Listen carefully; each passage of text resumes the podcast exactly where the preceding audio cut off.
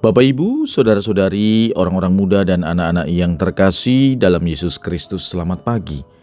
Salam bahagia dan salam seroja untuk kita semua berkah dalam. Bersama dengan saya, Romo Antonius Karbito Pambuaji menyampaikan salam dan berkat Allah yang Maha Kuasa dalam nama Bapa dan Putra dan Roh Kudus. Amin. Hari ini Senin 12 Desember dalam hari biasa Pekan Advent ketiga. Bacaan pertama dalam liturgi hari ini diambil dari Kitab Bilangan bab 24 ayat 2 sampai dengan 7, dilanjutkan 15 sampai dengan 17a. Bacaan Injil diambil dari Injil Matius bab 21 ayat 23 sampai dengan 27. Pada suatu hari Yesus masuk ke bait Allah. Ketika ia sedang mengajar, datanglah imam-imam kepala serta pemuka-pemuka bangsa Yahudi kepadanya. Mereka bertanya, "Dengan kuasa manakah engkau melakukan hal-hal itu? Dan siapakah yang memberikan kuasa itu kepadamu?"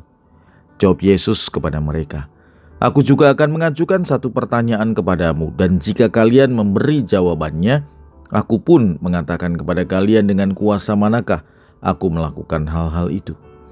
Nah, dari manakah pembaptisan yang diberikan Yohanes? Dari sorga atau dari manusia? Mereka lalu berunding satu sama lain. Jikalau kita katakan dari sorga, ia akan berkata kepada kita, "Kalau begitu, mengapa kalian tidak percaya kepadanya?" Tetapi jika kita katakan dari manusia, kita takut kepada orang banyak, sebab semua orang menganggap Yohanes ini nabi. Mereka lalu menjawab, "Kami tidak tahu."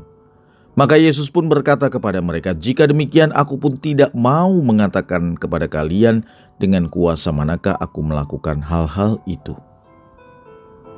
Demikianlah sabda Tuhan, terpujilah Kristus. Saudara-saudari yang terkasih, percakapan imam-imam kepala dan tua-tua bangsa Yahudi kepada Yesus bukan didasarkan atas keinginan mereka mencari kebenaran, tetapi sekali lagi pertanyaan yang mereka ajukan karena mereka takut, takut kehilangan otoritas, takut kehilangan kuasa atas mereka. Dalam Injil jelas bahwa mereka mempertanyakan kepada Yesus dengan kuasa dan dari mana dia melakukan hal-hal pengajaran, mujizat, mengusir para pedagang dari bait Allah, menyembuhkan orang sakit dan menyatakan dosa orang diampuni. Kita tahu sebagai orang beriman, Yesus punya kuasa dan kuasa itu datang dari Bapa. Tetapi Yesus tidak memberikan jawaban atas pertanyaan imam-imam kepala dan tua-tua bangsa Yahudi. Yesus melakukan itu bukan untuk menghindar, tetapi pertama-tama untuk menunjukkan kebenaran pewartaan Yohanes bahwa Yesus adalah Mesias. Dan yang kedua yang ingin ditunjukkan oleh Yesus adalah ketidakjujuran mereka karena pertanyaan mereka sekali lagi bukan karena ingin mengetahui kebenaran, tetapi karena mereka terancam dengan kehadiran Yesus, bahwa mereka terancam otoritas atau kekuasaannya.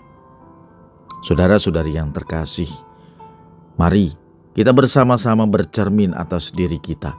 Kita ini punya kekuasaan atau kepercayaan atas diri kita kita dipercaya orang untuk melakukan banyak hal. Tetapi pertanyaannya apakah kita dengan penuh cinta memberikan pelayanan di mana orang mempercayakan kepada kita?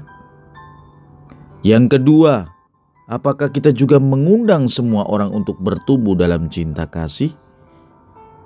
Mari kita mohon kepada Allah agar kita diberdayakan sehingga dapat melayani dengan penuh cinta kasih.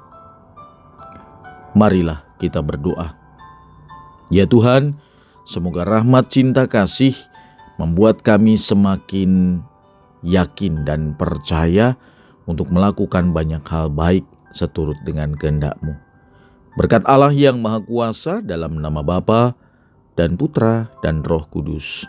Amin.